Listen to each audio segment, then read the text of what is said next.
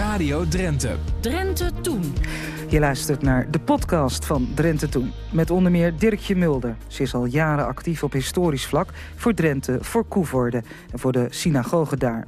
En ondertussen gaat ze ook nog eens een keer promoveren op Noord-Nederlandse grensbewoners tussen 1914 en 1964. En daar is ook een boek van gekomen. Zometeen praten we erover. En Pauline Bakker is hier om te vertellen over de Tweede Wereldoorlog in de Veenkoloniën... en de serie die daarover gemaakt is voor TV Drenthe. En uh, weet je wat Noorderwerk is? Een nieuwe term. Wat het betekent, daar gaan we achterkomen... verderop in de uitzending met de hulp van kenner, deskundige en liefhebber Frigo Visser. En het is niet bepaald een zeldzaamheid. De roep om strengere straffen voor criminele vergrijpen. Die klinkt ook vandaag de dag nog regelmatig. Vroeger speelde dat niet zo, maar toen was men met straffen ook niet bepaald terughoudend.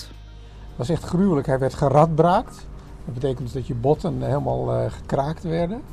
Uh, en hij kreeg met een geweer een slag op het hart. en daarna werd hem de kop afgeslagen. en toen werd zijn lichaam nog weer op een rad gelegd. En boven op een lange paal tentoongesteld. Dus Heilien Tonkens heeft vandaag weer een kritische beschouwing over de Drentse boerenerven. Historisch verantwoord of niet. Het gaat vandaag onder meer over een fout hek. En mooie oude radio van de Rono. Herinneringen, ophalen aan oudejaarsgebruiken die er niet om liegen. We hadden een tank, maar die hadden een trekker. En hadden een tank met de dinges. Ja, wat zat er in? Benzine. Wat, wat doet ze in een trekker? Ik weet het ja, Gasolie. Gasolie. Gasolie, ja. Die hadden bij tank huis liggen. En dan zijn emmer bij En dan hulen ze die tank, hulen ze gasolie uit. En dan brachten ze die strooppakken naar het schoolplein toe. Oh. En daar hulen ze die, die gasolie heen. En dan stukken ze op het schoolplein in brand. Ja, dat loog er niet om. Verder aandacht voor de DHV-prijs, Wiebe Kruijer en nog veel meer. Drenthe Toen. Radio Drenthe. Sinds een week zendt TV Drenthe programma's uit over oorlog en bevrijding. De ene, dat is Strunen met Harm Dijkstra. Nou, dat gaat zoals je gewend bent uh, van Harm. Nu is het thema de oorlog en de bevrijding. Maar ook zenden wij het programma Streekgenoten uit. Over mensen in de Gronings-Drentse veenkoloniën... die destijds ooggetuigen waren van de jaren van bezetting en bevrijding. Aan tafel programmamaker Paulien Bakker. Paulien, goedemiddag, mooi dat je er bent. En jij, uh, jij hebt je ook met deze serie bemoeid. De eerste uitzending hebben we overigens gehad. Wordt ook herhaald. En uh, daarin ontmoeten we ooggetuigen uit de Tweede Wereldoorlog. Maar wie zijn deze mensen, Paulien? Dat zijn mensen die jong waren, kind of jongeren... in uh, de oorlog in het gebied van de Groningse en Drentse veenkoloniën. En vanuit een kinderperspectief of perspectief van een jongvolwassene keek naar wat er in de omgeving gebeurde. En ja, als je eh, stilstaat bij de manier waarop zij hun verhalen vertelden, hun uiteenlopende verhalen, wat mij betreft ook vaak wel gebonden aan de plek van waar ze uh, verteld werden, dat wil zeggen waar ze ervaren werden. Want dat is zo, hè? ze worden gefilmd. Uh, Um, die gesprekken vinden ook plaats daar, waar ze opgegroeid zijn? Mm, nou, de, de uh, interviews vonden plaats bij de mensen thuis. Ja, ja. Um, we zijn begonnen met uh, ook feitelijk teruggaan naar de plekken... waar mensen dingen meemaakten. Maar dat is halverwege het traject helaas gestopt. Um, wat ik probeer te vertellen is dat, uh, dat mensen van heel verschillende, verschillende plekken uit de veenkolonie waren. Ja. En eigenlijk ook gebonden aan die plek hun ervaring ja. hadden. Bijvoorbeeld, Noem eens een voorbeeld. Ja, je nou, zegt het al. Een, een meneer die um, um, op de grens van, van Duitsland woonde. En voor wiens vader het heel voor de hand liggend was dat hij uh, voor zijn zoon een werkplek over de grens zocht. Dus in Duitsland. En de zoon was toen nog 15, 16 jaar. Hij kwam terecht in een gemeenschap waar alle mannen uh, uh, in, in het leger zaten. Waar geen man meer was in een boerengemeenschap. Waar mannen nodig waren om ja. het werk te doen. Ja. En daar kwam hij terecht. En ja, dan wordt die oorlog ook heel persoonlijk hè, voor iemand. Want je zit er zelf middenin, ja. letterlijk en figuurlijk. Ja. Uh, vorige week uh, maakten we kennis met uh, Tini Holman-Zomer. Zij is geboren op Vledderveen, 1931. En uh, ja, zij heeft als jong meisje ook, ook dingen gezien die je je maar nauwelijks voor kunt stellen. Kun je er wat over vertellen?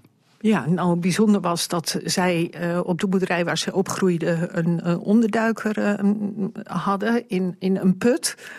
En die, moest natuurlijk, die put moest gecamoufleerd worden. En ja, dat betekent dat heel omzichtig omgegaan moest worden met die plek. Bovendien was er veel grensverkeer, ook vanuit Duitsland... Uh, waarvoor de moeder van mevrouw Holman uh, dingen klaarzetten in het bakhuisje. Waardoor de, het, het verkeer s'nachts uh, ja, zich kon warmen aan, aan iets dat daar klaargelegd of gezet ja, ja. was. Um, al die dingen die die zag zij gebeuren en die maakte indruk op haar. En daar leefde zij mee. Daar probeerde zij ook een standpunt over in te nemen. Zeg maar, ter bescherming van het gezin, ter bescherming van de, van de vluchteling, de, de um, onderduiker. Uh, de mensen die s'nachts voorbij kwamen, hoe angstaanjagend ook. Ja, was ze bang namelijk als kind? Nou, het gebeurde dat mensen op het raam tikten s'nachts. Terwijl zij daar met haar zusje lag te slapen in het bed. En nou ja, dat is eh, natuurlijk heel angstaanjagend als je zoiets meemaakt.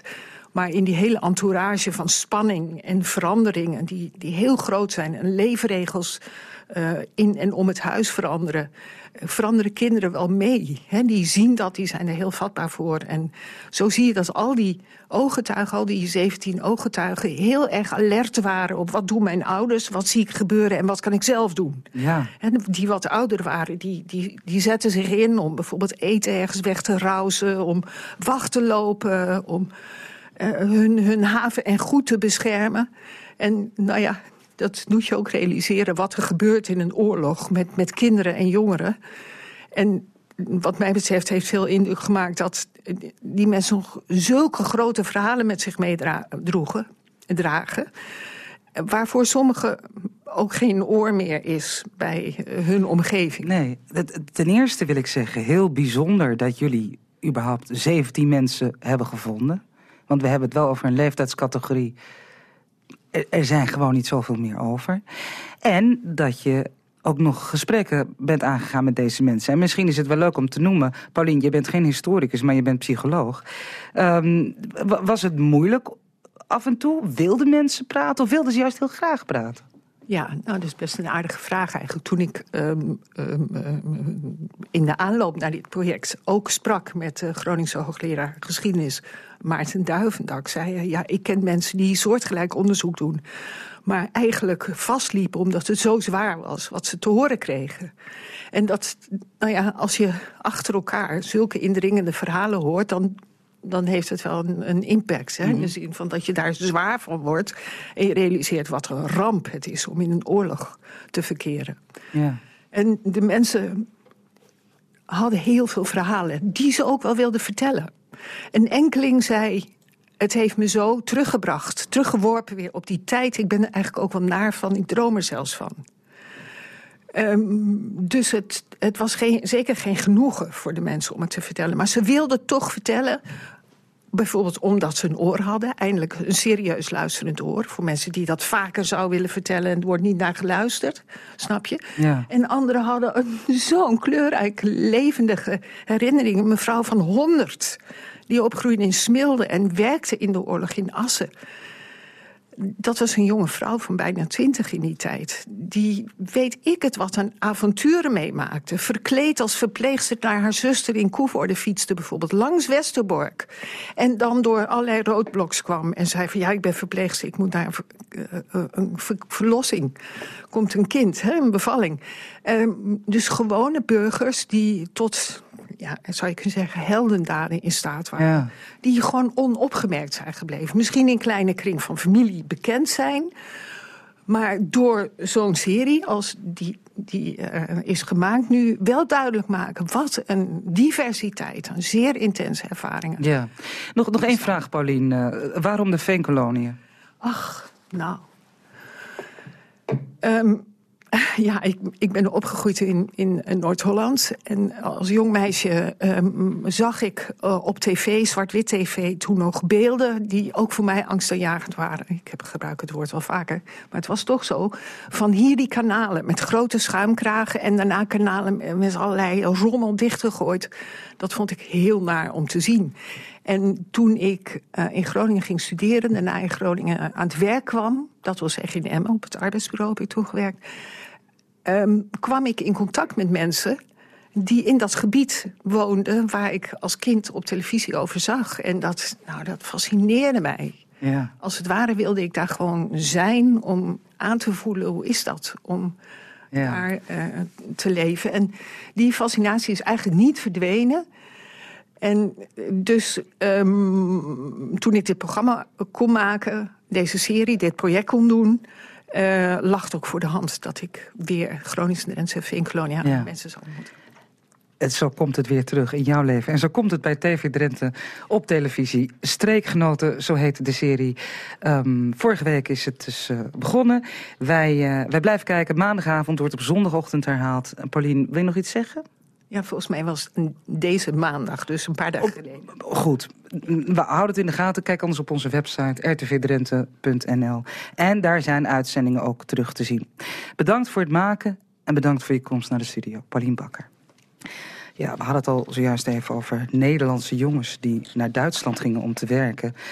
Dat was een normale gang van zaken, heel erg lang onder grensbewoners langs de Nederlands-Duitse grens. En ik kom daarop omdat aanstaande donderdag 16, 16 januari Dirkje Mulder-Boers uit Koevoorde gaat promoveren op Noord-Nederlandse en Duitse grensbewoners tussen 1914 en 1964. En er is ook een boek van gekomen. Ik citeer even. Al eeuwenlang onderhouden Noord-Nederlandse en Noordwest-Duitse grensbewoners goede contacten met elkaar. Ze drijven handel over de grens, ze werken over de grens, ze spreken veelal dezelfde taal, ze trouwen over de grens en ze delen een gemeenschappelijke cultuur en geschiedenis. Nou, in de periode rondom de Tweede Wereldoorlog kwam daar verandering in. In de synagoge van Koevoorde, een bijzondere plek voor Dirkje, sprak ik haar over dit bijzondere boek. Ik vroeg haar eerst naar haar persoonlijke relatie met het onderwerp, want die is er. Duitsland is uh, letterlijk mijn achtertuin. Als ik in de slaapkamer sta, dan uh, kijk ik naar Duitsland. En ik heb uh, door de jaren heen ook heel veel contacten opgebouwd in de Duitse grensstreek. Dus wat mij vooral heeft getriggerd om dit onderzoek te doen, is dat ik in de wetenschappelijke literatuur heel veel had gelezen over de Tweede Wereldoorlog bijvoorbeeld. Maar dan gaat het altijd over het westen of het midden van het land. En toen dacht ik, ik wil iets schrijven over de noordelijke grensstreek, want ik ben Noorderling. En, en de noordelijke grensstreek die begint helemaal omhoog in de provincie Groningen en die loopt tot het eind van Drenthe, zeg maar, onderaan Zuidoosthoek. Ja, dat klopt helemaal. Ik begin in uh, Beerta, dat is de eerste plek die echt uh, landsgrens heeft hè, met Duitsland. En dan ook Beerta, Nieuweschans, Bellingwolde, Vlachtwerde, Emmen, Schonebeek en Koevoorn. Dus zeven vooroorlogse gemeenten. Er was een tijd dat er geen grenzen bestonden, maar daar schrijf jij niet over. Hè?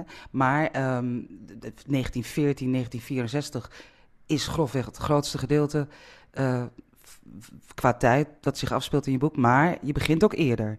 Um, de voorgeschiedenis tot 1914, uh, eh, de 16e eeuw, de 17e eeuw, de periode, de eeuwen wanneer die grens tot stand komt. Kun je ons daar met de zeven mijlslaarzen doorheen uh, lopen, vertellen? Ja, want dat heb ik ook eigenlijk in mijn boek uh, gedaan. Uh, het is zo dat uh, tussen Nederland en Duitsland was de grens. En in dit gebied die ik beschrijf, zit je natuurlijk met de Dollard, hè, de, drooglegging van de Dollard, waardoor de grens steeds verder uitbreidde. En dan het Boetanga-moeras. Nou, in het Boetanga-moeras stonden enkele grensstenen, maar verder was dat eigenlijk niet van, uh, van doen. Uh, de, de, mensen wisten niet eens waar de grens was. In 1824 hebben, de, heeft het Koninkrijk Nederland en het Koninkrijk Hannover hebben dus een grens getrokken door het Boetanga-moeras. En dat werd een rechte lijn en dat hield in dat mensen die dus ineens grond aan de andere kant van de grens hadden, mochten dat gewoon blijven houden. En dat is ook vastgelegd in het traktaat van, uh, van 1824, waarin beschreven staat wat de rechten en de plichten uh, zijn. En over dat traktaat is in de, na, in de naoorlogse jaren van de Tweede Wereldoorlog heel wat te doen uh, geweest. Want dat boeren eh, land hadden aan de ene kant van de grens en woonden aan de andere kant, dat, dat heeft heel lang bestaan, hè? Ja, ja, dat heeft zeker heel lang gestaan en, bestaan. En het was ook gewoon zo dat in bepaalde periodes, bijvoorbeeld toen eh, Duitsland eh, in oorlog was met Frankrijk eh, eind 19e eeuw, eh, vluchten er eh, jonge mensen uit het Emsland. Want die katholieken wilden niet tegen een ander katholiek land vechten. Ze waren ineens onderdeel van Pruisen geworden. En dat, dat, dat vonden ze toch niet zo leuk. En ze wilden dus niet tegen eh, Frankrijk eh, vechten. En dan trokken ze over de grens en gingen ze op het eh, land wonen waar aan de andere kant lag.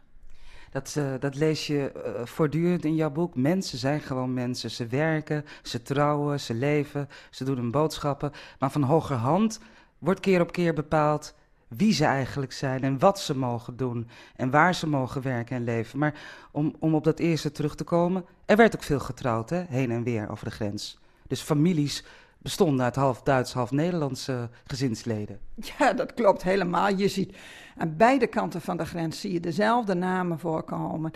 Het was voor de bewoners in die periode veel belangrijker de interne grenzen. Ik heb het niet over. eh, eh, God. Religieuze verschillen, sociale verschillen, standsverschillen waren soms belangrijker dan die, dan die grens. Ja, dat, eh, dat kun je wel stellen. Die waren veel belangrijker, want eh, er zijn zelfs uitspraken dat je kunt beter met een katholiek meisje van over de grens trouwen dan met een protestant meisje uit het eigen dorp. En eh, dat was voor de mensen heel belangrijk. En daarbinnen keken ze dan ook nog eens een keer naar dus economisch-sociale omstandigheden. Ik ken van vroeger uit ook de opmerking: eh, je moet wel even de stalruimtjes stellen. Want ja, je moet wel bij elkaar passen. Ook, ook Duitse stalraampjes. Ook Duitse stalraampjes. Dat komt aan beide kanten van de grens komt dat voor. Maar in de noordelijke grensstreek hadden de mensen allemaal dezelfde cultuur. Ze spraken hetzelfde dialect. Ze hadden dezelfde economische omstandigheden, kleine boerenbedrijven. Dus in dat opzicht was er niet zoveel mis om met een, iemand van over de grens te trouwen. Ze verstonden elkaar ook. En dat is vandaag de dag anders, hè? Ja, ja, jammer genoeg wel. Ik denk ook dat, ik, dat een van mijn conclusies is, als ik naar deze tijd kijk, nu de grenzen open zijn, de grenzen en de hoofden van de mensen veel meer aanwezig zijn als dat het vroeger eh, was. En dat is eigenlijk heel jammer.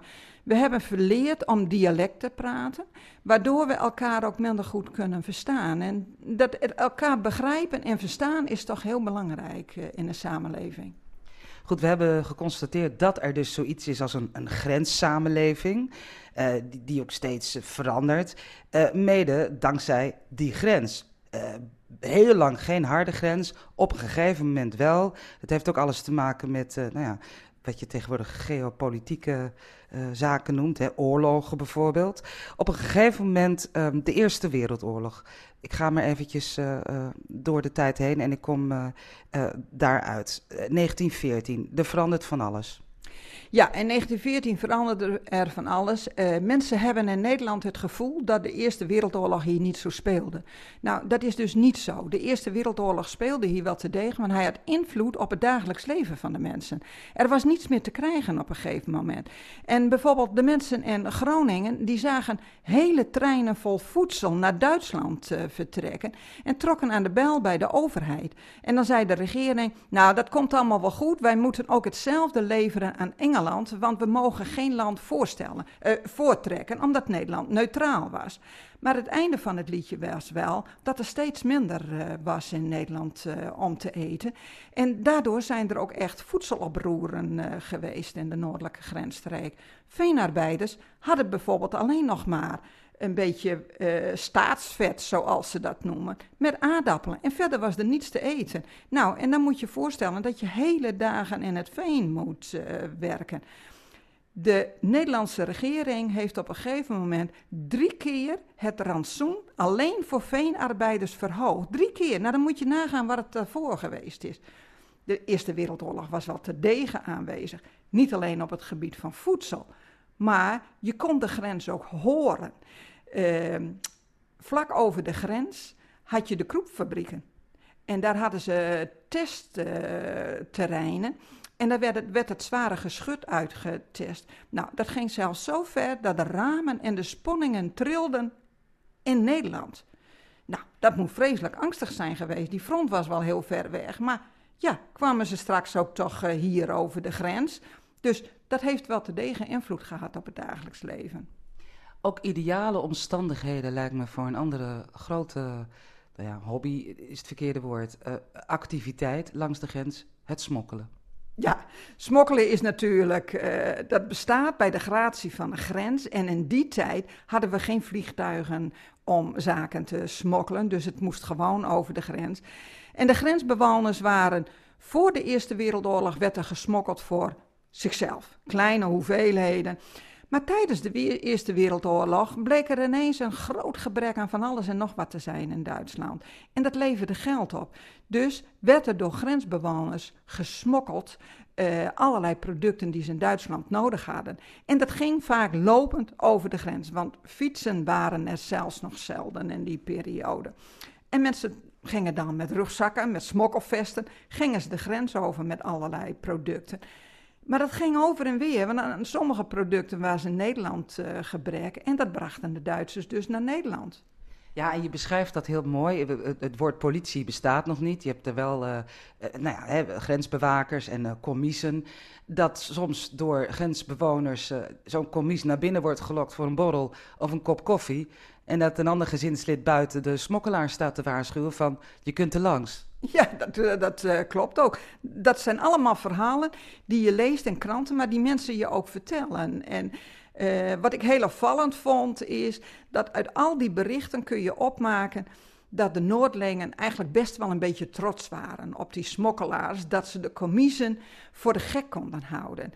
Maar het grote verschil met bijvoorbeeld Limburg was, waar ook heel veel werd gesmokkeld, is dat hier de commiezen nooit als uitschot zijn behandeld. En dat was in Limburg wel zo. Daar kregen ze geen voedsel van de boeren. Ze konden zelfs geen melk kopen in hun eigen dorp. En dat vind ik eigenlijk wel fijn van de Noorderlingen. Dat ze wilden ze graag voor de gek houden. Dat was wel stoer, maar ze werden niet buitengesloten. Er werden allerlei goederen gesmokkeld, maar ook uh, vee bijvoorbeeld. Paarden, koeien, schapen. Ja, ja dat, is, dat is heel apart. Maar ja, het, het moeras was natuurlijk bij uitstek geschikt om daar van alles over die, over die grens uh, te drijven. Alleen... Uh, heeft dat toch ook wel gevolgen gehad. Want uit Duitsland kwamen nog wel schapen met uh, die kreupelwaar, kreupelrot noemen ze dat. En uh, die kwamen dan in Nederland en staken daardoor ook andere schapen uh, aan. Maar ja, zelfs complete veestapels werden over de grens gesmokkeld. En wat ik ook een mooi verhaal vond, is dat ze jonge biggetjes over de grens smokkelden. Maar die stopten ze dan groene zeep in de mond, want dan maakten ze geen lawaai s'nachts. Ja, groene zeep. In de mond, in de bek van het varken. Ik had er nog nooit van gehoord. Goed. Dirkje Mulder-Boers over uh, die grens tussen Nederland en Duitsland. En dan met name Noord-Nederland. Ze heeft nog veel meer te vertellen. En dat gaat ze volgende week doen. En in de tussentijd kan ik u vertellen dat dat boek De Grens getrokken... Noord-Nederlandse grensbewoners tussen 1914 en 1964... uitgegeven is bij Van Gorkum, Koninklijke Van Gorkum in Assen. Geschreven dus door Dirkje Mulder-Boers. En hier komt hij. Als je een exemplaar wil winnen, stuur dan een mailtje naar drentetuen.rtvdrenthe.nl. Aldert Oosterhuis zit ook dit jaar lekker rustig in een hoekje met een stapel oude kranten. Old Nijs. Wat voor zaken worden er pakweg 120 jaar geleden zoal behandeld in de rechtbank? Louter zo is in mijn daguitpikking van wat er voorbij kwam in de arrondissementsrechtbank van Assen. De zitting zoals die beschreven stiet in de provinciale Drijnse en Azarkraat van 11 december 1901. Rondgezworven zonder middel van bestaan heb ik niet, maar de haan heb ik meegenomen, zegt Johannes Christoffel K., geboren te Amsterdam en laatst wonende te Groningen, die reeds vroeger is veroordeeld. De man is doof en min of meer spraakgebrekkig. Hij is van de meubelmaker bij wie hij werkte tweemaal weggelopen en was zonder middel van bestaan. De Rijksveldwachter Faber van Eelde ontdekte dit toen de man nog in de provincie Groningen was, waar ook de landloperij plaatsvond. Verder kreeg hij procesverbaal wegens het wegnemen van een haan behorende aan de inrichting tot herstel van drankzuchtigen Hooghullen onder Eelde. Het OM meent dat de rechtbank zich onbevoegd moet verklaren in zaken de ten laste gelegde landloperij als zijnde het feit in een ander arrondissement voorgevallen. De diefstal acht het OM bewezen. Het eist de veroordeling van beklaagde tot drie maanden gevangenisstraf en verwijzing der zaak van de landloperij naar den bevoegden rechter. De verdediger, meester Collard, voor een zijner ambtgenoten als ambtshalve toegevoegde verdediger optredende, ja, is ook van oordeel dat het feit der landloperij door een andere rechtbank moet worden behandeld. Wat de diefstal betreft acht pleiter het bewijs geleverd, maar beklaagde is doof, spraakgebrekkig en leidt aan hetgeen de Duitsers noemen kwartaalzocht. Hij is bij tijden drankzuchtig, bedrinkt zich en weet dan niet wat hij doet. Dit alles maakt het feit verklaarbaar en meer verschoonbaar. Oh, en dit is ook een mooie zin. Pleiter meent dat waar recidive wordt ten laste gelegd en een beklaagde zwaarder wordt gestraft omdat hij recidivist is, het erop aankomt ter beoordeling van het feit of de man een meer of minder gevaarlijke aanleg aan de dag legt, te weten onder welke omstandigheden het vorige feit is geschied. Daarvan zouden, bij de ten lastelegging van recidive, een kort relaas kunnen worden bijgevoegd. Snap je het nog? Pleiter wijst tenslotte op enige omissies in het aan beklaagde verstrekte afschrift der dagvaarding en deelt mede dat de laatste patroon van beklaagde aan hem heeft geschreven dat hij beklaagde wel weer in dienst wilde nemen. Het stiet er niet als zodanig bij, maar dat lijkt mij toch wel verzachtende omstandigheden. Deze dan. Geert R. te Assen kwam op 4 november laatstleden in de smederij van G. Postumus en vroeg, naar hij zegt, maar Postumus tegenspreekt, naar enige ringen die bij een door Postumus aan hem geleverde kachel zouden behoren. R was dronken en Postumus gelaste hem de smederij te verlaten. Toen R dit niet deed, gaf Postumus hem met een eind ijzer een slag, waarop R hem beetpakte en tegen de werkbank drukte.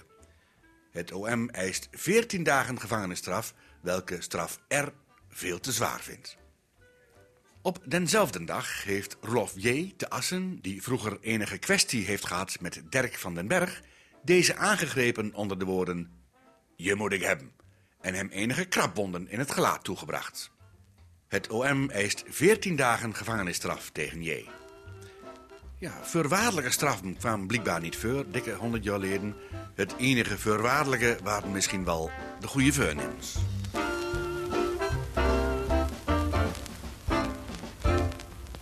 Drenthe Toen. Het archief. In ons onvolprezen Radio Rono-archief zochten wij uh, naar oudejaarsgebruiken. En dan niet knipeties en rolligjes zoals laatst, maar nee... de boel in de hand steken, slepen, dat soort oudejaarsgebruiken. We gaan terug naar 1986. Een aantal mensen uit Westerbork haalt herinneringen op... aan de oudejaarsnacht uit hun jonge jaren. Het gaat over drank, het gaat over slepen, het gaat over fikkie stoken... en echt niet allemaal even positief, maar mooi om naar te luisteren.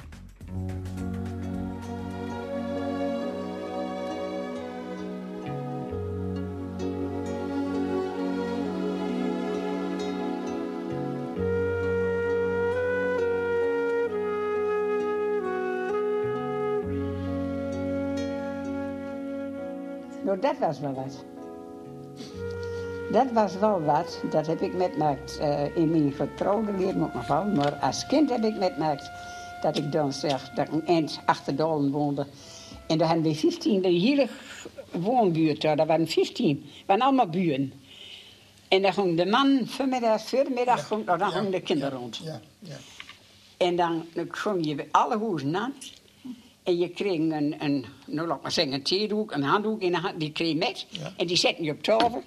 En daar werden plasjes in doen, plasjes in ze doen. En daar werden dit in doen. Dat kreeg je allemaal. En je kreeg een glas in die keur. Hè? En je ging, je ging overal mee, joh, de hele buurt deur. En dan smiddags begon de man. En die deden s'avonds deur. Allemaal. Maar toen als ze dan kwam en dan de vrouw Ja, die dus- bleef in huis. Ik was een kind trouwens, maar ik weet het zo goed. Dan werden de gewichten van de klok werden omhoog hangen. En de lamp die kwam omhoog. Want zo komt er een weg door. En die man die trok die deur. En de vrouw die zat in ons met geval bleven ze zitten. zo was je er was, mee, Daar hoor. was ook wel eens mal bij, hoor. Ja, nou. Ik weet vroeger wel, is ook al niet nog bij Plaats, maar vroeger bij Nurlig ook zo'n dorpje Peest, hè? weet je wel, hè? En dat was vroeger, nou ook in die tijd arm, ja het was allemaal arm, Ah, maar, ja. maar toen heb ze toch wel eens gezegd, als ze dan niet leest, eh, elk echt beschonken waren, Ja. hè? Ze, ze moesten worden, maar dat, dat stond erop. Ja. Maar je dan dan zo'n verzoek zat, dan werd inschonken, gewoon zo onder te houden. Nou, en dat vond ik verschrikkelijk toen in die arme tijd. Ja. Leuk me het in krap om dat bij me te krijgen, dat het was allemaal niet mogelijk. En dan je- had je als kinderen zoveel bij elkaar al. Ja. Die Nou, in de ik heb het zelf- En dan werd een kamnetslaag. Ja. Iedereen kwam een kamnets in, weet je. Die werd leeggemaakt en daar kwamen alle plasjes en alles kwam erin. Want anders kun je ze niet bij. Nou, wij hebben altijd wel een jaar al eh broers of, of, of familie. Maar, Ja, niet, maar- niet de dorpdeur, Nee, nee. nee. nee. Maar er was een migratiejeugd, dan is in 74 is die geboren, dus tussen 74 en, en, en 1900 of zo, maar stel in die tijd. Ja, toen heeft hij en zo ging de mannen weg. Sleep hem ook.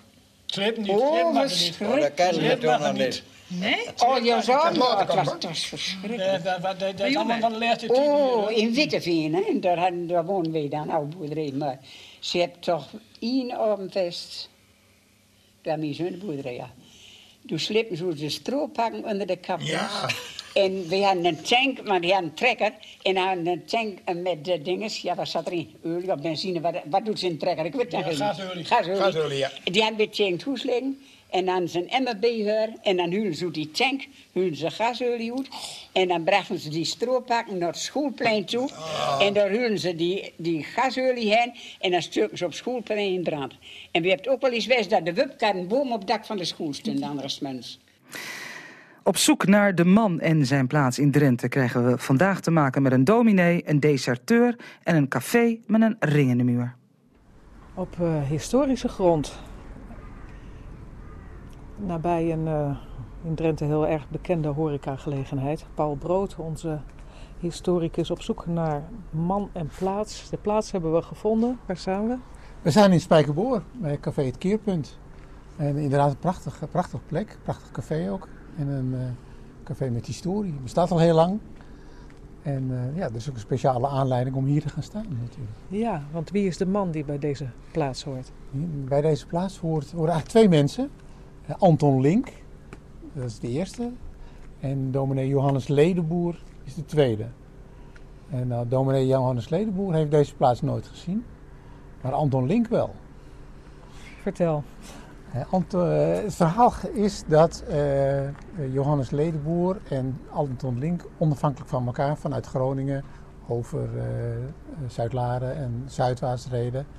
elkaar tegenkwamen. En Johannes Ledenboer, een jonge dominee, was de weg wat kwijt. En die vroeg aan Link van kun je me eens zeggen hoe ik nou, in Assen kom of naar Rolde of waar ze dan ook heen wilden. En Anton Link was een gedeserteerde militair. En hij had niet veel goeds in de, in de zin dat hey, zo'n jonge dominee die heeft vast wel wat geld bij zich. Dus eh, ergens tussen Alno en Zuid-Laren in het bos eh, heeft hij dominee Ledenboer vermoord. En eh, is er toen vandoor gegaan. Maar het gerucht ging al heel snel wat er gebeurd was.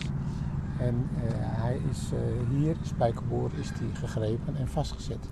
Ja, letterlijk ook vastgezet, want hij moest natuurlijk moest verhinderd worden dat hij ontsnapte. Toen heeft de smid dus hier een ring aan de muur gezet. En daar is Anton Link aan vastgezet. Oh jee, dus die werd echt eh, vastgeketend hier eh, en, en natuurlijk wel een beetje tentoongesteld hè, voor het hele dorp. Ja, vast wel natuurlijk, want iedereen wist natuurlijk wat er aan de hand was.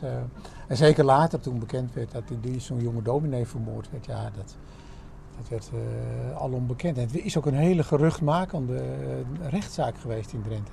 Een van de, eigenlijk zeg, de meest geruchtmakende zaken. Want en natuurlijk eh, kreeg hij de doodstraf, hè, dat gold toch. Maar het bijzondere is dat die doodstraf, die- dat, dat vonnis, ook nog later gedrukt is. Zodat iedereen kon lezen wat er gebeurd was en hoe de Drentse rechters, de Edstoel, eh, omgingen met, eh, met zo'n misdadiger. Ja, dat is eh, gedetailleerd beschreven en ehm, hij heeft eigenlijk ook een, een heel erg vrede dood gekregen. Hè? Ja, ja dat, als je dat vonnis leest, dat is echt verschrikkelijk. Want was echt gruwelijk. Hij werd geradbraakt. Dat betekent dus dat je botten helemaal eh, gekraakt werden. Eh, en eh, eh, hij kreeg eh, met een geweer een slag op het hart. En daarna werd hem de kop afgeslagen. En toen werd zijn lichaam nog weer op een rad gelegd en boven op een lange paal tentoongesteld. Dus, en dat geeft, is allemaal gebeurd op het Galgenveld in Assen. Ja, geen halve maatregelen. En dat zal ze leren om jonge dominees om zeep te helpen. Precies, ja. En het, het wrang is natuurlijk ook dat er ook heel veel publiek op afkwam. Hè. Men vond het toch wel interessant om dat te zien. En dat kunnen we ons nu haast niet meer voorstellen. Maar ja, dat, zo werden doodstraffen uitgevoerd. Ja, deze plek die, heeft dat allemaal gezien. Hè? Uh, kan je haast niet voorstellen dat het, dat het hier echt gebeurd is. En er is ons ook net verteld dat uh, de plek waar wij geparkeerd hebben... dat het vroeger een, een zwaaikom was voor schepen. Ja, ja. ja Spijkerboer was natuurlijk een, een, belangrijke plek... omdat het lag aan de, aan de, aan de Huns, aan de waar de turf langs gevoerd, werd in de richting, richting Groningen. En... we hebben een paar weken geleden al gehad over de, de Grevelings die hier in Spijkerboer woonden. En, en uh, ervoor gezorgd hebben dat dat hele veengebied hierachter geleidelijk aan ontgonnen is. En dat de turf afgevoerd kon worden. Ja, de kanalengravers, zeg maar. Um, ik ben eigenlijk wel even benieuwd naar die, die ring in de muur. En zou die binnen zitten of ja, buiten? Ja, hij zit hier binnen achter de deur. als we de deur open doen, dan zijn we er gelijk. Oké. Okay. Nou, laten we het proberen. En dan even binnen in het café kijken waar die ring is die ons is aangezegd in de muur. De eigenaar eh, van het café, uh, Willem. Mooi. Je staat er al bij met een stralend gezicht, want uh, waar, wijs hem eens aan de ring. Kijk, hier zit hij. Ja, ja. En, en het is hem echt, hè? Dat is niet... Dat is hem echt van 1780. Ja. ja. Die toenmalige smid het dorp uh, in de muur vast heeft, heeft gemaakt om daar uh, een moordenaar uh, aan vast te zetten. Ja, dat ziet er stevig uit. Het ja. is ook ja. mooi, ja. ja. echt ouderwets gesmeed. Ja, het is ook stevig, want er is wel iemand die wil proberen hem eruit te halen, maar dat lukt echt niet. Die zit echt goed vast. Ook als ze een goede borrel hebben gehad, dan proberen ze dat ja. wel eens hier. Ja, dat is toch een spel af en toe. Hè? ja. En, uh, komen er nou vaak mensen naar kijken ook? Is het een verhaal wat leeft? Ja, het is aan een verhaal wat leeft. En wat heel grappig is. Oh ja, nee, dat weet ik Ja, er wordt hier gewoon gewerkt hoor, tussendoor. Oh, sorry. nee, je doet niks hoor. wat, wat, wat heel grappig is, uh, toen we het café kochten, ik ben, ik ben geboren, ik ben geboren in Spijkerboord. En ik wist van, van het bestaan van iedereen, maar hij was weggetimmerd. En uh, toen kwam een van de oude-eigenaren langs. En toen zei van, App, moest me verteld hoe dat ding zit. Ik zei, ik wil er weer in het zicht hebben. Nou, App heeft mij verteld waar ongeveer zat. Ja. Ik heb met een, een uh, ben ik gaan zoeken naar wat hij ongeveer, want hij zit ook niet mooi in het midden, zie je wel. En, dus ik ben gaan zagen en dat ding, uh, ik had de first heeft de lambrisering weer een, uh, weer een gat gezaagd ja. om de ring weer tevoorschijn ja. te halen. En toen ik hem in zicht had, toen uh, bleek ook dat op de plek waar de moord is gepleegd, daar uh, staat een, een, bord. Ja. Ik heb een, een stukje, je kunt zo zien. En ineens kwamen mensen, die kwamen echt bijna op bedevaart. Ja. Maar ze wilden de ring zien, ze wilden de plek zien. En sinds drie jaar kun je nu ook het graf van Ledenboer bezoeken, maar die zit in de kerk in Zuid-Laag. Er zijn echt mensen die, die het verhaal, uh, die toch wel weten wat waar is. Ja, dat is bijna tastbaar, hè? Ja. ja, ja. Nou, dankjewel, bijzonder. Nou, graag dan. Interessante expositie te zien in het Veenkoloniaal Museum in Veendam onder de naam Noorderwerk. Dat is een nieuw woord voor aardewerk uit Noord-Nederland uit de periode van 1880 tot de heden. Er is daar keramiek te zien uit Groningen, uit Overijssel, uit Friesland. En Drenthe wordt er vertegenwoordigd door Goedewagen. Voor collega Lydia Tuinman meer dan genoeg aanleiding om zich daarheen te spoeden. In het Veenkoloniaal Museum Veendam zalen vol met keramiek, uitgestald in uh, tientallen vitrines. En elke provincie, elke noordelijke provincie heeft zijn eigen zaal. Aan de wanden tegeltableaus, een overzichtstentoonstelling eigenlijk van alles wat het noorden van het land heeft voortgebracht aan keramische kunst en gebruiksartikelen. In een belendende zaal wordt gewerkt. Daar zitten enkele tientallen mensen met op hun schoot tasjes, met in die tasjes zorgvuldig ingepakte keramieken schatten die door Frigo Visser van het Keramisch Museum Goedewagen in Nieuwbuinen worden getaxeerd. Het is een tegeltableau en het, het is in een volkstijl geschilderd. Wie procedeert om een koe, geeft er één toe. Dat is uh, een oud-Nederlands spreekwoord wat aanduidt dat vroeger advocaten niet altijd even welkom waren.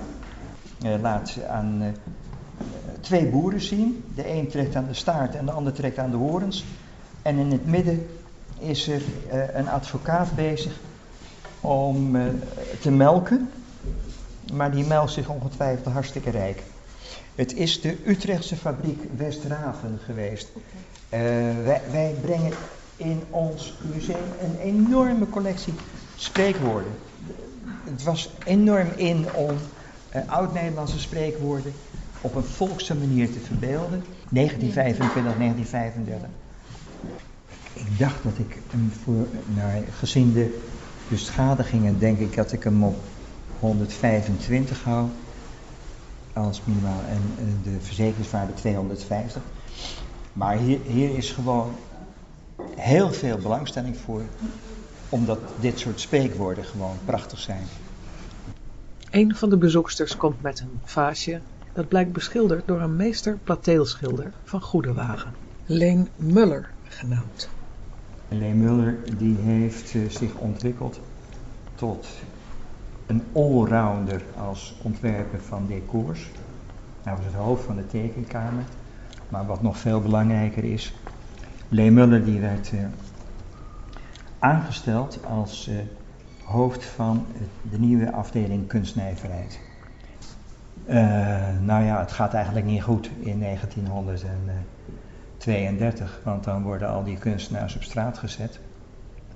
En Lee Muller die was op dat ogenblik ook de belangrijkste servieseontwerper. En die moest merken dat zijn serviezen onder andere aan, aan Duitsers verkocht werden. En toen dat gebeurde, toen was er natuurlijk hommeles in de tent en toen is hij weggegaan. Ik denk 1934, uh, er is een, een, een, onderzoeksgroep die zegt 1936, maar is vroegtijdig weggegaan met een heel klein pensioentje. En dit, dit is dus een heel gangbaar. In het museum bij ons in Nieuwbuinen laten wij ook Dico Rodian zien, maar er zijn tientallen variaties. Het is altijd dit hele markante rood-bruin. En er wordt met uh, groen vaak, ook bronsgroen ingewerkt. Hier toevallig in blauw. Maar dit, dit bronsbruine, groene, dat is uh, typisch voor wat het decor is. Het, het, lijkt oosters. En heel verwarrend, het heet Rodian, naar het eiland Rodos. Nou, daar kwam het dus beslist niet vandaan. Um, die Rodian-vaas ik, dit heb ik nog niet bijgezet, de minimale handelswaarde. Uh, uitvoering is wat minder, die zie ik rond de 100. Uh, ondanks het feit dat die van 1920 is. En de te verzekeren waarde is dan 200. Dat wordt toch wel een aardig sommetje. In de tentoonstelling heeft elke provincie, elke noordelijke provincie zijn eigen zaal. En daarin wordt verteld over de geschiedenis van hun keramiekindustrie.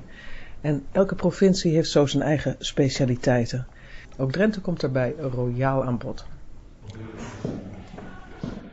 Hier aan de wand een groot uh, paneel, tekst, over uh, de geschiedenis van dat Drentse aardewerk. En dat gaat natuurlijk voornamelijk, uh, of eigenlijk helemaal, over Goede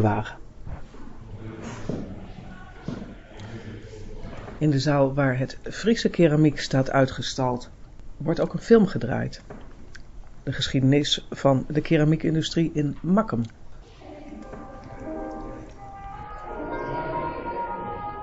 Dit is het beeldmerk van een van de oudste keramische ondernemingen ter wereld. Het merk met de twee gekruiste T's van Tichelaars Koninklijke Aardewerk en Tegelfabriek in Makkum. Makkum ligt in de provincie Friesland en is de noordelijkste haven aan het IJsselmeer.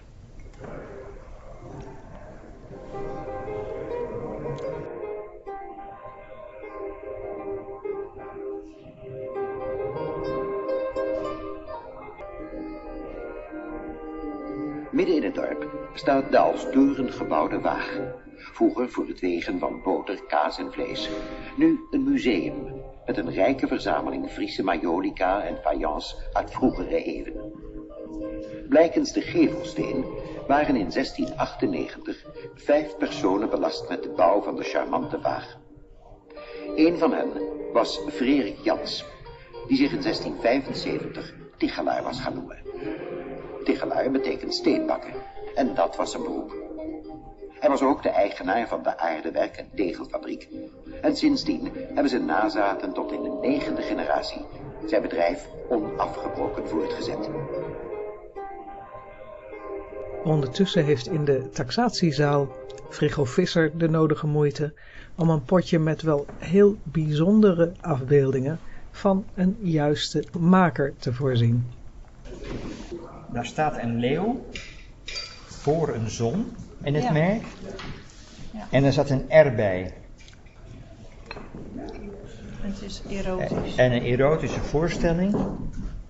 Indiaas qua motief. Niet voor de kleine kijkers. Hij staat in de kast. Ja, dat lijkt me heel verstandig. Ja. Het, het, het, zou, het zou Engels kunnen zijn. Die, zo, zo'n R in zo'n eh, kringetje, dat zou voor Engels keramiek kunnen zijn. Kijk, een, een Engelse grote stad, daar waren al vijf- 15, 20 fabrieken groter dan de porseleinen fles. En de porseleinen fles had 3000 werknemers. Dus, oh, is- we hadden het net over Wedgwood. Ja. Staffordshire. Er waren 4000 keramiekovens. Daar is nu nog maar een aantal van een paar honderd in gebruik. Vier, als je de film ziet, nou, je, je gaat er gewoon van janken. Want die hele stad is naar de knoppen. Mhm. Nou, het wordt nu helemaal omgebouwd. Maar die hele Engelse keramiekindustrie, die is eh, te gronden gegaan. Dus het is ontzettend moeilijk. Ja, kijk, en hier zitten dan allemaal merkjes in. Maar dat, dat is niet te zoeken. Conservator Frigo Visser van het Keramisch Museum in Nieuwbuinen hoorden we. Hebt u nou ook mooi plateel of anders gesigneerd Nederlands aardewerk... en wilt u weten wie de beschildering maakte of wat vaas, pot of bloempot waard is... nou, dan kun je terecht bij Keramisch Museum Goedewagen in Nieuwbuinen. Elk laatste weekend van de maand. Het staat ook op hun website keramischmuseumgoedewagen.nl. En de tentoonstelling Noorderwerk in het Veenkoloniaal Museum in Veendam... is nog te zien tot en met 8 maart. Frigo Visser geeft daar overigens een lezing woensdag 15 januari om 8 uur s avonds. We zijn er vorige week mee begonnen met de herhaling van een serie die Radio Drenthe uitzond in de jaren 1994-95. Toen stond men stil bij 50 jaar herdenking van de bevrijding. 50 jaar. In het spoor van de bevrijders, zo heet de reeks die presentator Egbert van der Veen, die vorig jaar overleden is, en provinciaal historicus Michiel Gerding maakte over de bevrijding van Drenthe. We herhalen hem dus. Vorige week zijn we begonnen, vanmiddag zijn we toe in deel 2. En het thema van deze aflevering is de slachtoffers. Hier is herrijzend Nederland. Landgenoten, thans is het ogenblik gekomen waarop wij u het definitieve einde van de oorlog in Europa kunnen aankondigen. Mannen en vrouwen van Nederland. Verslagen is de vijand. Van oost tot west, van zuid tot noord. Luisteraars, blijft aan uw toestel. Luisteraars, blijft aan uw toestel.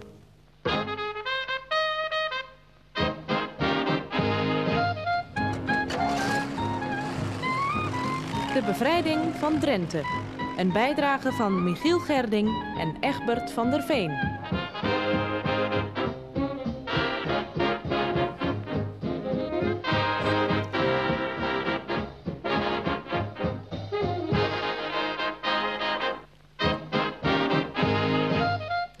Een goedemiddag allemaal, welkom bij deze tweede aflevering. Bevrijding, dat betekent voor veel mensen tot de dag van vandaag vreugde over het eh, verdwijnen van de bezetter, dus feest. Maar er is ook een hele grote groep mensen in onze provincie voor wie de bevrijding een bijzonder wrange bijsmaak heeft. Omdat ze uitgerekend in die bevrijdingsdagen een familielid of een goede vriend of een vriendin verloren. Vandaag hebben we het over de mensen die dit in die laatste oorlogsdagen overkwam. Ik praat erover met de provinciaal historicus van Drenthe, dr. Anders Michiel Gedding. Welkom Michiel. Eh, voordat we aan ons eigenlijke onderwerp beginnen, even naar de, de herdenking van 50 jaar bevrijding in deze dagen, anno 1994. Eh, er wordt op grote schaal gewerkt aan de verschijning van nieuwe publicaties. Er zijn, zijn herdenkingen, eh, reunies van oud-verzetstrijders, van geallieerde militairen. Nou, in, bijna iedere dorp, iedere stad gebeurt wel wat. Eh, heb jij er een verklaring voor, voor die grote schaal waarop dit allemaal gebeurt? Je zou denken, en die discussies zijn er dan ook, dat je denkt, na nou, 50 jaar moet het toch wel eens een keer wat minder zijn. Nu is het de laatste keer dat we op grote schaal uh, vieren. Hè. Kok heeft het gezegd, uh, Willem-Alexander, Prins zei iets dergelijks. Hè, volgend jaar moeten we het maar eens anders gaan doen, over vijf jaar. Nou, zelfde soort geluiden. Ik, ik, ik ken ik van tien jaar geleden Gisteren trouwens nog, een D66-lid dat zei het moet nou maar afgelopen zijn. Nou ja, goed, dat soort geluiden hoor je. En, en, maar dan hoorde je tien jaar geleden dus ook. En het blijkt telkens weer, vijf jaar geleden ook. Het blijkt dus telkens weer dat naarmate de tijd voortschrijdt... kennelijk de behoefte om uh, hier wat aan te doen, dit op de een of andere manier te herdenken, uh, niet echt minder is geworden. Er zit natuurlijk na de oorlog zit er een hele sterke golfbeweging in, in dat herdenken. He, de eerste paar jaar is het natuurlijk heel sterk geweest. Toen is het heel sterk weggezakt, zo vanuit het oogpunt van, nou laten we maar vergeten, zand erover. Nederland moet weer opgebouwd worden, uh, daar moeten we niet te veel aandacht aan besteden. Dus het is een tijd weggezakt geweest. En je ziet dus dat het sinds de jaren zeventig eh, wordt het eigenlijk elke keer of elke vijf jaar dan, uh, wordt het nog steeds meer. Dus waar dit naartoe moet, of dit nou de echte laatste keer is, dat waag ik ernstig te betwijfelen. Het is wel zo dat je deze keer ziet, in vergelijking, in, in afwijking tot andere jaren, dat de persoonlijke herinnering van mensen heel erg centraal staat. Dat doen we zelf ook in, in deze serie. We praten met mensen die het allemaal aan de lijve hebben meegemaakt. Terwijl ik mij van het verleden kan herinneren dat er herdenkingen zijn geweest waar veel meer de relatie werd gelegd, bijvoorbeeld met het antisemitisme, met het racisme, het waarschuwen voor soortgelijke tendensen tegen fascisme in, in, in de huidige tijd, hè, met name onder de jeugd. Nou, dat soort aspecten die, die uh, tref ik deze keer veel minder aan. Dus uh, de eigen herinnering die voorop staat in boeken, op de radio, allerlei soorten herdenkingen. Zou, dat is mij echt opgevallen. Zou daar het feit een rol in kunnen spelen dat men misschien denkt, ja, 50 keer, het is voor de grote groep die het meegemaakt heeft, misschien wel de laatste keer dat het echt gedacht kan worden, dus nostalgie? Dat, dat, ik denk dat dat voor een deel uh, meespeelt. En natuurlijk speelt ook wel een rol dat uh, allerlei andere aspecten zijn ook al zo vaak aan de orde geweest dat... Uh, dat dit misschien ook wel eens een keer zinvol was om aandacht aan te besteden. Dat vind ik overigens ook, maar het is een algemene teneur die je aantreft. Maar ja, wat betreft de laatste keer. De Eerste Wereldoorlog, hè, die voor, voor Engelsen en Fransen nog steeds heel sterk, La Grande Guerre, die wordt nog steeds herdacht. En daar zitten nog steeds, zijn er oud-strijders, zijn bijna allemaal honderd inmiddels. Maar en dan heb je het over 1418. En dan heb ik het over 1418. Dus waar dit naartoe moet met de Tweede Wereldoorlog, ik weet het nog niet. We gaan naar de bevrijding van uh, 1945, april 1945, daar waar het Drenthe betrof. We hebben het uh, gisteren gehad over de bevrijding zelf. Zijn er in Drenthe bij die bevrijding veel uh, militairen gesneuveld? Ik wou eerst even met jou kijken naar de, de geallieerde militairen. Ja, in het algemeen genomen denk ik moet je zeggen dat, dat in het totaal van de strijd, hè, de militaire strijd rondom de bevrijding en, en in het kader van de Tweede Wereldoorlog heb dat gisteren eigenlijk ook al gezegd, was Noord- en Oost-Nederland eigenlijk een zacht eitje. er zat niet heel, heel veel Duitse verdediging. Er is hier en daar gevochten, maar niet op, op enorme schaal, waar, waar hele grote legereenheden tegenover elkaar staan en tot de laatste man gevechten uit, uh, uitstrijden. Maar heb jij zicht op de aantallen geallieerden die omgekomen zijn? Dus wat je ziet door die periode van, van, van die paar weken uh, dat het hier gespeeld heeft, is dat hier en daar steeds mensen uh, uh, sneuvelen door toevallige omstandigheden of dat ze in een hinderlaag lopen. Maar dan is het een, een auto, een patrouille die beschoten wordt, waar dan een aantal geallieerden het leven laten. Een tank die in brand raakt, uh, dat soort van incidenten. En dat zie je eigenlijk aan de, aan de Duitse kant ook. Er zijn het wat meer geweest, omdat er ja, natuurlijk een, een, toch een behoorlijke overmacht was van, van de geallieerden. Maar ehm, ja, daar gaat het dus ook om soms eens een keer, bij uitzondering eens een keer tientallen. Maar meestal wordt het in, in één of, of enkelen geteld. Dus dat valt relatief gezien valt dat erg mee. Maar is mijn indruk juist dat, dat uh, onder de Duitsers toch nogal wat meer slachtoffers zijn gevallen dan onder de geallieerde troepen? Ja, dat denk ik wel. Kijk, de verliezende partij uh, verliest natuurlijk ook wat dat betreft het meest. En uh, moet zich verdedigen met, met steeds ontoereikend wordende middelen. Terwijl de geallieerden natuurlijk een, een, steeds groter overmacht en overwicht gaan vormen. Daarbij gesteund door de plaatselijke uh, bevolking natuurlijk. Dus, dus ja, verdediger zijn verliezende partij in een vijandige omgeving. Ja, dat, is, dat ligt dat voor de hand, denk ik. Ja. En onder de burgers, Michiel, de burgers van Drenthe? Ja, dat vind, dat vind ik een van de opmerkelijke zaken. Dat ik denk dat er, dat er uh, in ieder geval relatief gezien, als je nou dat hele strijdverloop bekijkt, nogal veel uh, in, in Drenthe aanwezige uh, Drenten, maar ook anderen, uh, zijn omgekomen. Heb je zich de Doelbewust, of, of, of nou ja, er zijn een, een enige tientallen, precies een stuk of tachtig denk ik, gewoon gefusilleerd door de Duitsers. Dus terechtgesteld in het zicht van de bevrijding, soms zelfs de dag voordat een bepaalde plaats bevrijd is. En dat is natuurlijk buitengewoon navrant. Ik bedoel, dat, ik kan het ook niet echt heel goed begrijpen waarom zo'n verliezende partij op het allerlaatst nog allerlei lieden eh, tegen de muur zet, hè, in figuurlijke zin. En terecht stelt, dat is, dat is onbegrijpelijk voor mij. Ja, want dat vroeg ik me af. Is er een verklaring voor dat de Duitsers uh, uitgerekend in die laatste dagen nog zoveel mensen willens en wetens hebben vermoord? Hè? Ja, nou ja, eh, collectieve verstandsverbijstering. Ik, ik weet het eigenlijk niet. Wat je ook ziet in diezelfde periode is dat er nog binnenschepen vol met de meest rare goederen worden geroofd en ingelaten. En dat moet dan allemaal mee naar Duitsland eigenlijk. En dat wordt dan ergens weer achtergelaten, want dan kan het toch niet mee. Of de benzine is op, of weet ik veel wat. Ze worden tegengehouden. Hele rare mechanismen uh, zijn er opgetreden in die periode. En ja, of je dat nou een, een, een soort van psychose moet, moet noemen hè, bij, de, bij de, de dan verliezende Duitsers of anderszins.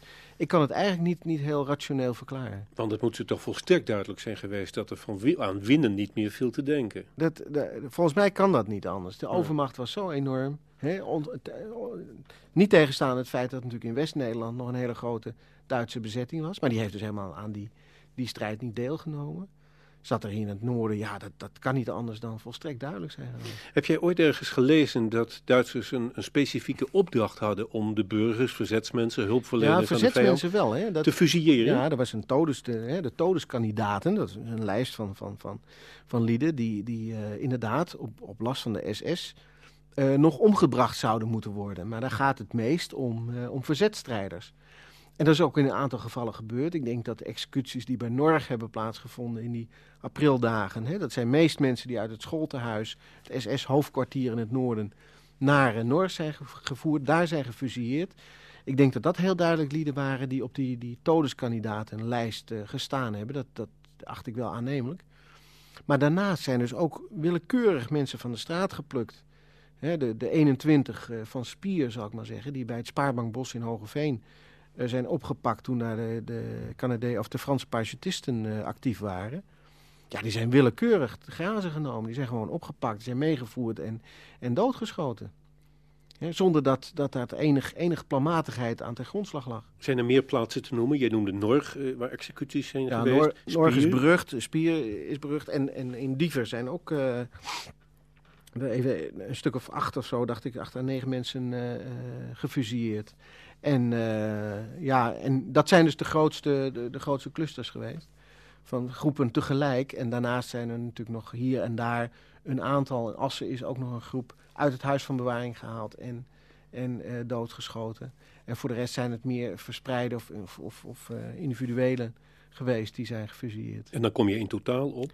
Nou, ik denk toch wel aan een stuk of tachtig van dat soort gevallen. Moet wel betekend hebben dat voor een groot aantal mensen uh, terwijl de ene helft van de provincie, uh, ja, die had feest, de bevrijders waren er. Dat andere uh, individuele gevallen dan wellicht, maar dan, dan, je spreekt over 80, in diepe droefenis moeten zijn terechtgekomen op het moment dat de rest feest vierde. Ja, natuurlijk, dat, dat, is, dat is duidelijk. Nou ja, er zijn natuurlijk in de loop van de oorlog zijn natuurlijk veel meer mensen. Kijk, voor een deel zal het ook niet eens bekend zijn geweest. Uh, dat familieleden werden omgebracht op dat moment. Die waren natuurlijk gevangen, uh, die zaten ergens, hè, zo zoals even zeiden, in het huis van bewaring in Groningen. En die zaten dan misschien een hele tijd, die waren misschien daarvoor een hele tijd ondergedoken geweest. Dus die waren al het contact met de familie waarschijnlijk al, al voor een langere tijd uh, hadden die verloren. Dus men wist natuurlijk niet wat er van ze geworden was van een hoop van dat soort van familieleden. En ja, en natuurlijk is pas achteraf gebleken dat ze werkelijk aan, aan de vooravond van de bevrijding zijn gefusilleerd. En dat, dat maakt het natuurlijk extra navrant. Heb jij er zicht op, op of dat in andere provincies op deze manier ook gebeurd is? Uh, laten we even van die 80, misschien zijn het er zelfs ja. 100 geweest in Drenthe die omgekomen zijn in de laatste dagen. Heb jij er zicht op of andere provincies datzelfde mechanisme zo heeft gewerkt? Moet, ik, ik, niet, niet over de hele linie, hè? Maar heel bekend is het voorbeeld van feestende mensen op de Dam in Amsterdam. Waar nog ineens een, een, een, een, Duitse, een aantal Duitse soldaten het vuur openden. En waar ik weet niet hoeveel mensen uh, het leven hebben gelaten. Nou, toen was het in feite. was de bevrijding al daar en toen is het nog gebeurd. Dus, dus dat, is, dat is elders ook zeker voorgekomen. Ja, en dat, dan zijn er natuurlijk. In, in Enschede is ook zo'n geval geweest. Dat, dat op het moment dat, dat Enschede bevrijd werd, zijn er nog uh, zeven mensen, geloof ik, uit een huis gehaald. Uh, verzetsgroep en is, is neergeschoten. En dan heb ik op een aantal punten gelezen dat mensen, ja zeg maar, per ongeluk zijn omgekomen. Hè? Er werd natuurlijk vreselijk geschoten op een reeks van plaatsen in die dagen. Ja, dat zullen we horen. We zijn, hè, dat hebben we natuurlijk in de provincie her en der gehoord, dat, dat mensen in de vuurlinie kwamen te liggen. Hoe, hoe, uh, ook al was dat niet heel erg zware gevechten, er werd natuurlijk wel geschoten. En er werd met tanks geschoten, er werd met granaten geschoten. Dus daar raakten boerderijen in brand. Er werden mensen natuurlijk uh, toevallig uh, geraakt en toevallig het slachtoffer van dat soort van, van gevechten. Ja. Op dit moment hebben we het dus nog even over zeg maar die droevige kant, die buitengewoon trieste kant, die de bevrijding ook heeft gekend, die een groot aantal gezinnen ook in Drenthe in, in rouw dompelde. Wordt er nog iets aan die, die herdenkingen gedaan van de, deze slachtoffers? Ik denk ook aan in de sfeer van monumenten. Ja, zeker. Kijk, we hebben natuurlijk in de herdenking sowieso altijd de splitsing tussen 4 en 5 mei. Hè. 4 mei het herdenken van de doden uh, in de Tweede Wereldoorlog in het algemeen. En dan 5 mei het, het, het feest vieren, hè, de bevrijding vieren. Dus dat, dat, dat karakter zit er, zit er natuurlijk altijd in. En er worden natuurlijk altijd op tal van plaatsen uh, op 4 mei stille tochten gehouden. Meestal naar of, of vanaf een bepaald herdenkingsmonument voor de gevallenen in de Tweede Wereldoorlog.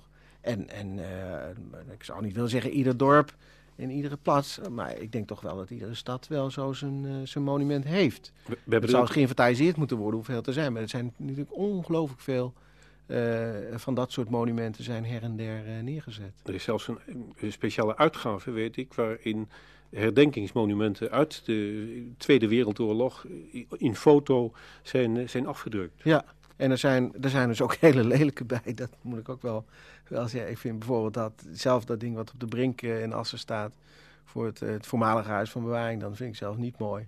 Maar er zijn natuurlijk andere uh, die, die wel heel, ik bedoel, dat, dat monument van Ralf Prins in Westerbork, dat vind ik nog altijd onovertroffen oorlogsmonument. Ja. Nou, zullen we het volgende week woensdag, als we die rechtstreeks uitzending vanuit Westerbork zullen hebben, nog wel even over hebben. We hebben ook nog een heel klein monumentje zien staan onderweg, hè, tijdens onze uh, reizen in het spoor van de bevrijders. Ja, hij heeft natuurlijk in Spier uh, zo'n zo monument staan van, voor die 16 uh, mensen die daar gefusilleerd zijn op die plek. En ja, in het kader van het aanleg van wegen en snelwegen en dergelijke is dat monument ook een aantal malen moest dat verplaatst worden. Ja. Uh, tot zover het gesprek met Michiel Gerding, de provinciaal historicus van Drenthe. En Egbert van der Veen, programmamaker bij Radio Drenthe destijds in de jaren 1994-95, toen deze serie werd gemaakt en uitgezonden. En dat allemaal omdat het destijds 50 jaar geleden was dat Nederland werd bevrijd. En daar stonden ze bij stil. Volgende week zondag dan herhalen wij deel 3. IJs en wederdienende wordt zondag 15 maart de DHV-prijs uitgereikt. Bij ons in Drenthe toen. De jaarlijkse geschiedenisprijs van Drenthe. Uitgereikt door de DHV, de Drents Historische Vereniging. Er zijn inmiddels al heel wat inzendingen binnen. Nominaties, maar er kan altijd meer bij. Secretaris van de DHV-prijs, Ferry Sieders, doet een oproep. Want wat of wie kun je eigenlijk indienen voor die prijs? Ferry Sieders. Ja, dat is eigenlijk heel erg divers. Uh, we zijn altijd op zoek naar um, uh, activiteiten die in het jaar hebben plaatsgevonden. In dit geval in 2019. En het gaat over de Drentse geschiedenis. En heeft iemand een boek geschreven of een musical gehouden. Of een groep heeft, heeft een uh, archeologisch kunstwerk helemaal weer in, in eer hersteld. Dat soort dingen, daar zijn we naar op zoek. Omdat we graag um, die projecten de aandacht willen geven die het, die het verdient. En dat verdient een prijs. Het zijn vaak boeken, uh, maar dat hoeft dus helemaal niet zo te zijn. Als jij als historische club, historische vereniging iets hebt georganiseerd en uh, daar van alles uh, voor hebt opgetuigd, dan kun je dat ook nomineren. Ja, ja. Je kunt bijvoorbeeld uh, een, enkele grafzekken hebben gerestaureerd. Of je kunt een musical over bepaalde onderwerpen hebben, hebben gemaakt. Dus uiteindelijk zo, zo, ja, we zijn eigenlijk op zoek naar zo'n breed mogelijke scala aan activiteiten die wel met de geschiedenis te maken hebben. Want het, je hoeft niet altijd een boek te schrijven over een geschiedenisonderwerp. Je, je kunt het ook op een andere manier presenteren. Als het maar in 2019 gemaakt is of, of gepresenteerd. Je noemt nu al twee voorbeelden: grafzerken opknappen en een musical. Volgens mij zijn dat nominaties of prijswinnaars uit de afgelopen jaren. Kun je een paar concrete voorbeelden noemen van, uh, van uh, nou prijswinnaars? Ja, en zoals vorig jaar heeft het Dorp Darp eigenlijk uh, gewonnen, omdat zij uh, ook een boek hebben geschreven over, uh, over het dorp zelf. Maar dat hebben ze heel breed aangepakt. Ze hebben mensen geïnterviewd, ze hebben de geschiedenis helemaal uitgelicht, ze hebben de scholen erbij betrokken. Dus dat is eigenlijk een heel mooi voorbeeld van een heel breed opgezet project, wat uiteindelijk inderdaad in boekvorm is verschenen. Maar en Glossy Magazine was het zelfs. Ja, precies. En, en, en op zo'n manier heb je een hele mooie um, presentatie van een, een geschiedenis wat eigenlijk zo breed mogelijk is aangedragen, waardoor iedereen ook wordt gedragen en, um, uh, en ook weer wordt voortgezet en een inspiratiebron kan zijn voor andere dorpen, steden. Als het maar over Drenthe gaat. Als het maar over Drenthe gaat, ja. Zeg, en uh, wanneer, uh, tot wanneer kun je, kun je nomineren? En mag je jezelf ook nomineren? Uiteindelijk mag je uiteraard jezelf ook nomineren. Als je een hele goede motivatie hebt, nou, dan, dan is dat uh, uh, uh, meer dan prijzenswaardig. je kunt tot en met 19 januari kun je iets nomineren. En um, dan gaat de jury erover buigen en um, gaan we een beslissing maken. En dat doe je door een mailtje te sturen naar... Uh, ja, het kan naar info at Drents, uh, Maar ze kunnen mij ook persoonlijk mailen. Dat is ferrysieders.hotmail.com ferrysieders.hotmail.com. En tot slot, uh, Ferry, waar we het nog niet over gehad hebben, er zijn eigenlijk twee prijzen. Een publieksprijs en een DHV-prijs. Ja, je hebt de juryprijs, die, die beoordeelt uh, uh, op, op hun gebied een, een, een product. en je hebt de publieksprijs. En we proberen altijd drie, um, drie, drie, drie mensen of boeken of dingen te, te, te, nomineren. En het publiek kan dan ook haar oordeel geven over de, de nominatie. Zeg, en hoeveel heb je dan gewonnen als je de, de, de DHV-prijs uh, hebt? Nou, als je de DHV-prijs hebt gewonnen, dan uh, mag je 1000 euro bijschrijven op je rekening. En als je de publieksprijs wint, dan heb je in ieder geval het eeuwige roem. En uh, een heel prachtig mooi kunstwerk van Simon Dijkstra. Geld, eeuwige roem en kunst. 15 maart gaat het gebeuren, zover is het nog lang niet. Je kunt nog mensen, projecten, boeken, toneelstukken, musicals, noem maar op, inzenden. En ik heb hier ook een uh, e-mailadres, dhvprijs.gmail.com. Nou ja, als je het allemaal niet meer weet, dan stuur je het maar naar ons, drentetun.rtvdrenthe.nl. Het is niet eenvoudig om een boerenerf historisch verantwoord aan te leggen. We hebben al te maken gehad met heggen op pootjes onnodige ornamenten, veel te overdadige verlichting en nutteloze beplanting. En vandaag stuiten wij in het kielzog van genoemde deskundige Heilien Tonkens op een fout hek. Ja, en dan uh, alweer Wapserveen uit. Staan, uh, ik kan de borden uh, Wapserveen op, hier op een paar honderd meter afstand zien. En we kijken hier naar een statige boerderij met een houten toegangspoort. En daar heeft Heilien Tonkens uh, ongetwijfeld iets over te zeggen. Nou ja, dit zijn hele mooie houten hekken waar verder niks mis mee is. Alleen zet je dat bij zo'n boerenerf neer. Dit is eerder een hek wat je van ouds bij een landhuis verwacht. Dit is, uh, ja, je kan zeggen dit is nieuwe mode, nieuwe stijl. Uh, het ene hek staat open, dus dat is makkelijk. Dan heb je wel dat je kan zeggen, ik kan erin en uit, de beweging is er. Maar als dit een, een werkend erf geweest zou zijn, dan kun je zeggen, dit is alleen maar een obstakelstuk. Wat je ook ziet is de lantaarns die boven op de palen gezet worden. Je merkt nog wel eens als je s'avonds, als het donker is, over het platteland rijdt, dat je denkt, er komt een tegenligger aan, het moet dimmen.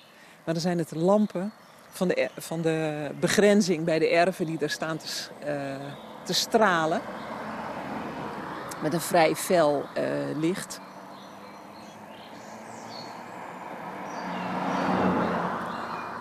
Men zegt ook wel eens, het zijn de verzekeringsmaatschappijen die bepalen dat de boel verlicht moet worden. Maar ja, hoe doe je dat? En wat je tegenwoordig ook heel veel ziet, is, ik noem het altijd maar de Anton Pieckpaal. Hè, de rustieke lantaarnpaal die uh, neergezet wordt met mooie krullen langs zij. Oh ja, de gietijzeren uh, lantaarnpaal, ja. ja. En dan kun je eigenlijk zeggen van ja, goh, uh, achter op het erf bij de schuur waar je je auto neerzet of wat, daar was een, een lamp aan de gevel en nog een keer een lampje voor en je vond je weg wel.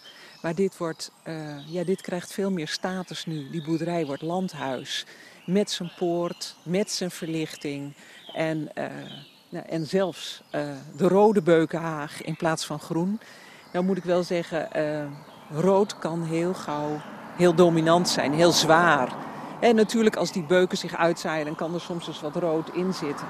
Maar heel veel rood, en hier is het ook rood meer op het noorden gericht, kan iets heel sombers geven.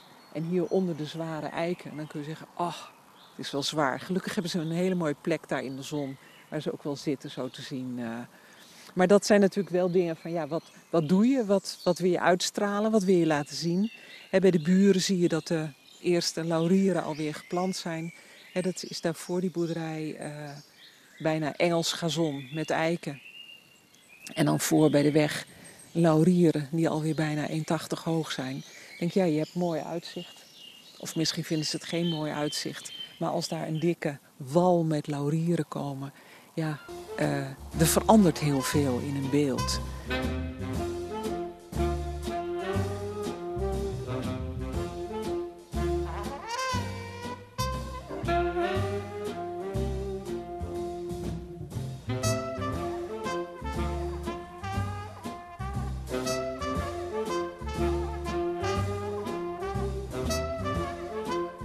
En uh, van ouds was het altijd boeren maken het landschap. En dat is natuurlijk zo. En dat is nog steeds zo. En het landschap is door de verkaveling steeds grootschaliger geworden, opener geworden. En je kan vandaag de dag zien, eigenlijk zien en zeggen dat die erven van die boerderijen in dat landschap steeds beeldbepalender worden. Dus daarin kun je ook zeggen, ja, heb ik daar een verantwoordelijkheid? Ik heb het gekocht, ik ben eigen baas.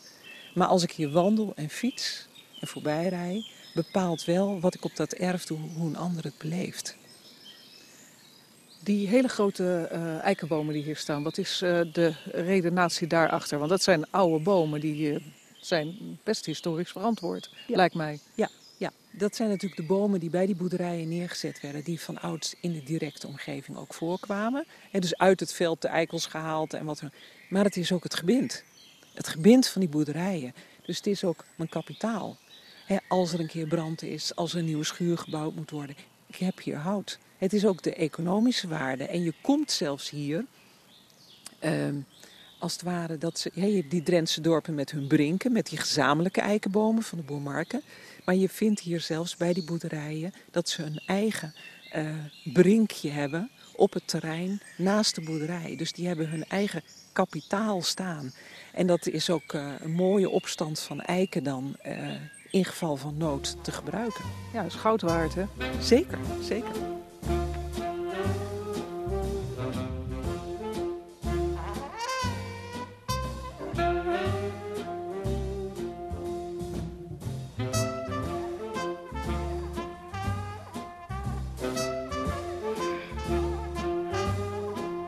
Heilien Tomkens hoorden we op pad met Lydia Tuinman. Laatste lange bijdrage in dit programma Drenthe Toen van deze zondagmiddag.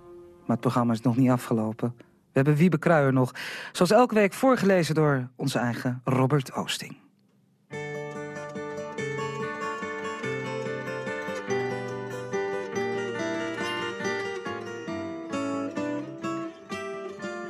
Een enkele keer gingen wij op bezoek bij oom Harm en tante Jantje in Roden. Ik zat dan bij mijn vader op de fiets in een stoeltje dat op het stuur was geklemd. De voetsteuntjes van dit stoeltje zaten iets los en konden daardoor draaien. Door met mijn voeten deze trappers flink rond te laten draaien, hielp ik mijn vader flink mee met trappen. Zodra ik stevig trapte, gingen we harder. Bij het bruggetje over het Pijzerdiepje hebben we even gerust en naar het voorbijstromende water gekeken. Mijn moeder was er ook bij en heeft dus kunnen fietsen. Waarom ze dit later niet meer kon, zoals ze beweerde, heb ik nooit goed begrepen. Wat had ze daar in haar verdere leven nog veel plezier van kunnen beleven? Dat vond ze trouwens zelf ook, maar ze durfde het gewoonweg niet aan om het nog eens te proberen. Met jaloersheid keek ze altijd naar mevrouw de Vries, die op hoge leeftijd nog altijd langs ons huis fietste. Als mijn moeder ergens heen wilde, dan zat er meestal niets anders op dan te gaan lopen. Mijn oom en tante waren, naar ik meen, in Luitingwolde de beheerders van zoiets als het armenhuis of oude mannenhuis. Ik herinner mij dat in een grote kamer een biljart stond. Ook herinner ik mij hun hondje, een vreselijke keffer, waar ik bang voor was. Met dit hondje werd gefokt en het leverde behoorlijk wat geld op. Waarom ik dit nog weet is mij volstrekt onduidelijk, want het is voor een kind natuurlijk helemaal niet belangrijk. Naast beheerder van het armenhuis was mijn oom ook boer. En ter ere van ons bezoek hadden ze eens een haan geslacht. De van de haan gekookte soep was walgelijk vet. Ik kan mij zonder moeite die dikke vetlaag op de soep nog voor de geest halen. Of ik ervan moest overgeven, weet ik niet. Maar dat de soep mij slecht was bekomen, dat weet ik nog wel. Overigens kan dit ook een gevolg zijn geweest van een migraineaanval die ik ongetwijfeld toen ook al wel had. En als kind kun je dit niet echt duidelijk aangeven en ook zelf niet begrijpen. Opeens voel je je hondsbroerd en dan moet je overgeven.